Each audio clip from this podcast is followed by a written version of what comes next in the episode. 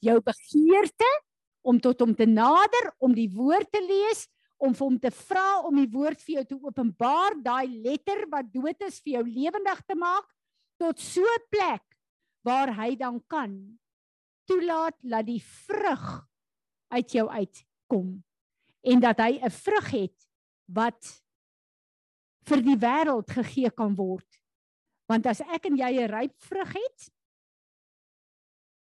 dan het daai vrug ook 'n saad in wat kan vermenigvuldig vir elke persoon wat dit eet. En dan staan ek en jy op 'n plek waar ons so baie dinge in die woord sien en weet goed wat God van ons verwag, dan het ons 'n onvermoë, dan dink ons maar ek probeer so hard en ek kry hierdie goed nie gestop in my lewe of uit my lewe uit as 'n uitvloei nie. En ek dink daar's plekke wat ons te hard probeer om reg te lewe en goed te wees. En te veel op onsself, ons intellek en ons vlees staat maak om goeie kinders van God te wees. Dit nog nooit gewerk nie. Dit gaan ook nie werk nie. En ek wil julle uitdaag, daai plekke in julle wat julle mee sukkel, wat julle probeer, wat julle jare sukkel, daai geheime sonde wat jy nie kan aanraak nie. Moet ons nie dalk stop en sê Heilige Gees, U is die een wat my moet heilig en reinig. Dis wat die woord sê. Ek gaan nou uit die pad uit staan en ek gee dit vir U. Ek bid dat U in hierdie area in my lewe kom werk. Johannes 14 vers 26. Jesus told his disciples The Holy Spirit, whom the Father will send in my name, he will teach you all things and bring you to remembrance all that I have said to you. Romeine 8 vers 26 en 27. In the same way the Spirit helps us in our weakness. We do not know what we ought to pray, but the Spirit Himself intercedes for us through wordless groans.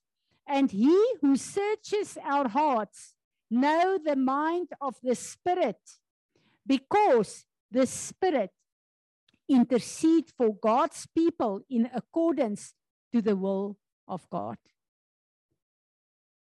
Die woord sê die plek van Heilige Gees in ons lewe is om alle dinge te deursoek dit wat in my en jou weggesteek is.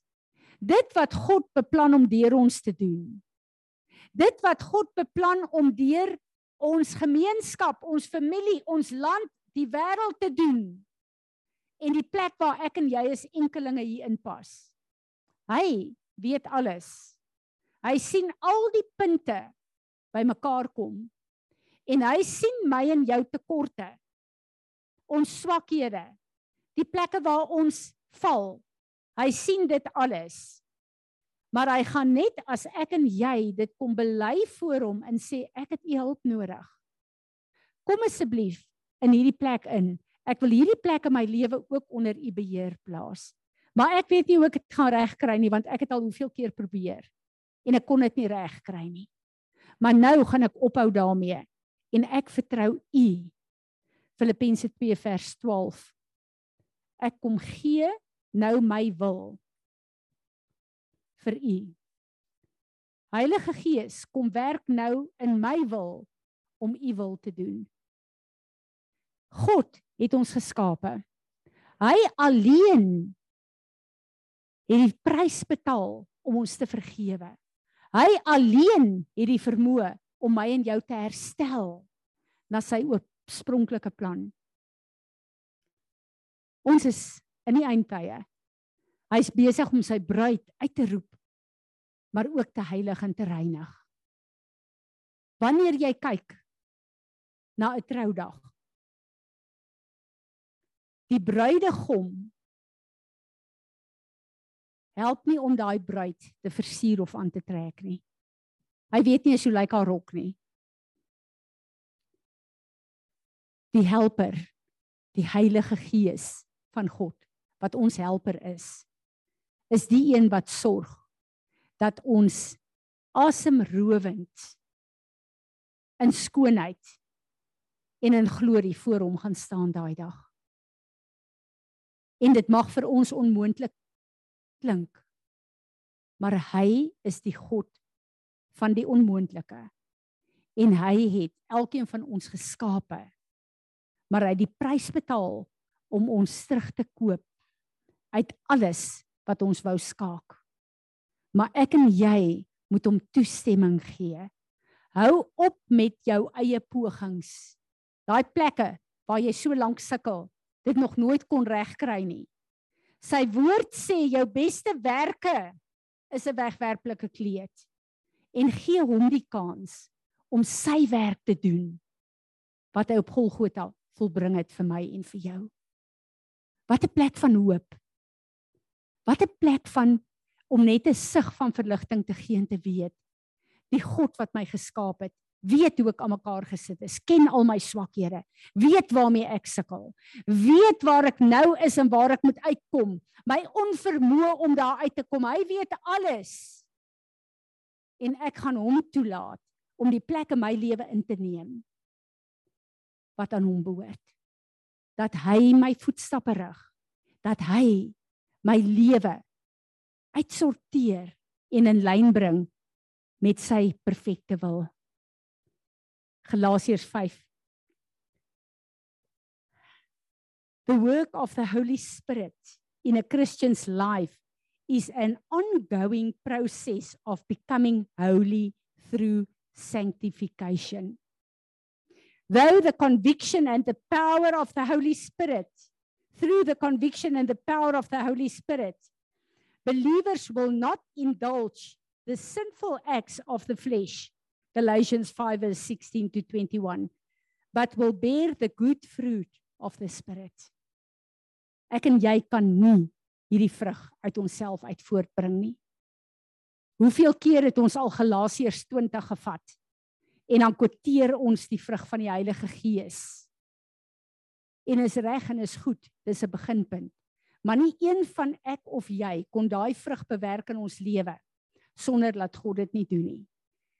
En daar's daai vrugte, 'n klomp van dit wat in my lewe nie gereed is vir my God om te gebruik nie. Maar ek is op 'n plek waar ek opnuut sê, Heilige Gees, hierdie is u werk. Ek kies om my te onderwerp aan u. Kies om u toe te laat om hierdie werk te doen. Maar ek in my vlees gaan terugstaan sodat u die erfenis wat Jesus voor gesterf het deur my lewe vir Vader kan gee. Amen. Heilige Heilige Gees van God. Ons wil net vandag kom en ons wil u opnuut nooi vir 'n nuwe impartation, 'n bekragtiging, 'n vloei in ons lewe. Ons kom erken dat U die enigste een is wat die herskepping, die bevryding, die genesing en die herstel van Jesus in ons lewe kan volbring. En ons nooi U opnuut om dit te doen. Raak vaardig oor ons elkeen. Raak vaardig oor ons elkeen. Here Jesus, ons sien met 'n afwagting en 'n verwagting uit na hierdie werk. Amen. Amen. Enige met 'n woord of 'n skrif.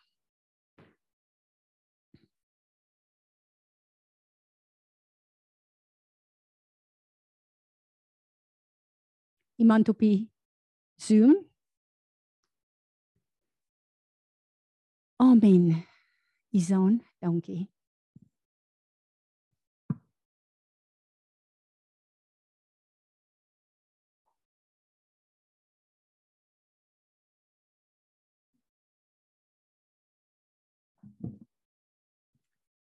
Um ek wil net vir julle 'n storieetjie lees. Um wat al baie op Facebook gedeel is en uh, vergewe my as dit as julle dit al gehoor het. Um maar dit bly vir my een van die coolste goed wat ek in my lewe nog gehoor het. As jy nie weet wie's Catherine Coolman nie, gaan Google haar. Dit is die moeite werd om uit te vind. When Catherine Kuhlman passed away in 1976, all of the power went out in an 800 bed hospital. Her heartbeat should have read as irregular and then moved to a flat line. Her heart had been fine, although all her other organs were failing, but she never went into an irregular, irregular heartbeat. Catherine was gone in the blink of an eye.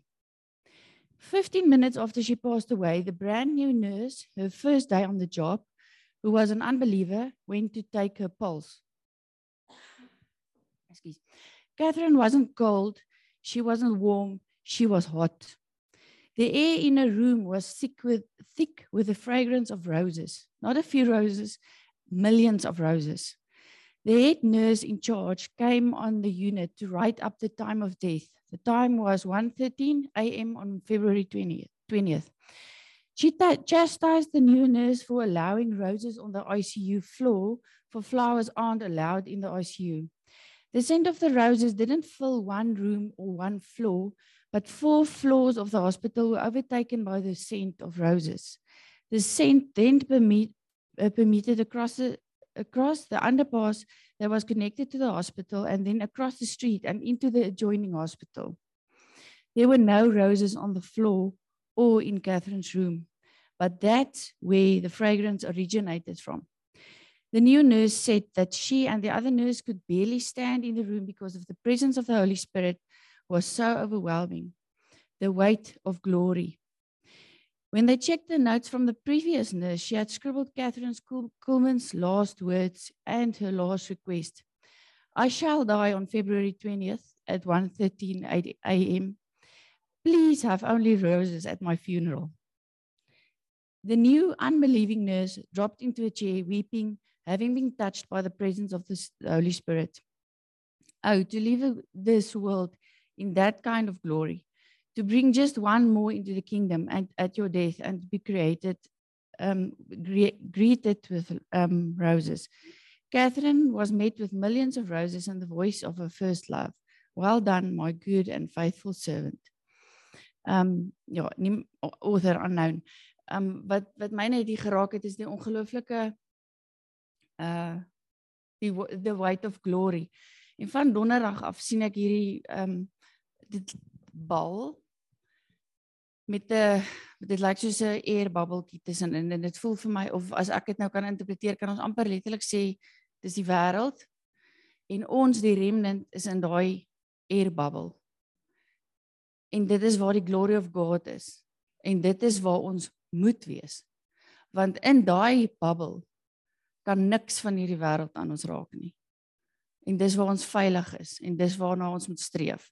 Is um om so naby aan die Here te lewe dat um hierdie tipe van wonderwerke net outomaties gebeur waar ons stap. So um ek gaan net vir ons 'n gebed doen.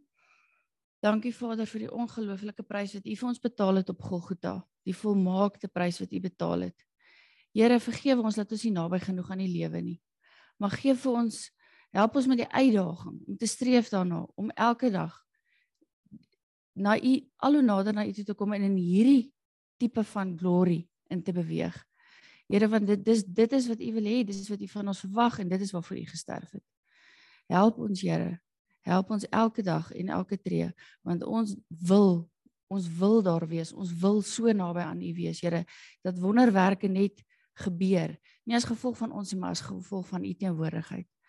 Dankie vir vir u bloed en vir u liggaam in Jesus naam. Amen dit wat uh, Isaan vir ons gelees het is vir my so goed, maar die eerste keer toe ek dit gehoor het, toe herinner die Here my daar was 'n seisoen in die opleiding wat die Here vir my gegee het wat ons met sataniste gewerk het wat uh, vir my 'n uh, ek bitter bly die Here het ons nie daar gehou nie, maar soveel keer wanneer ons bedien het, het daar 'n manifestasie van swaal en vrot dreine deur daai mense se mond gekom.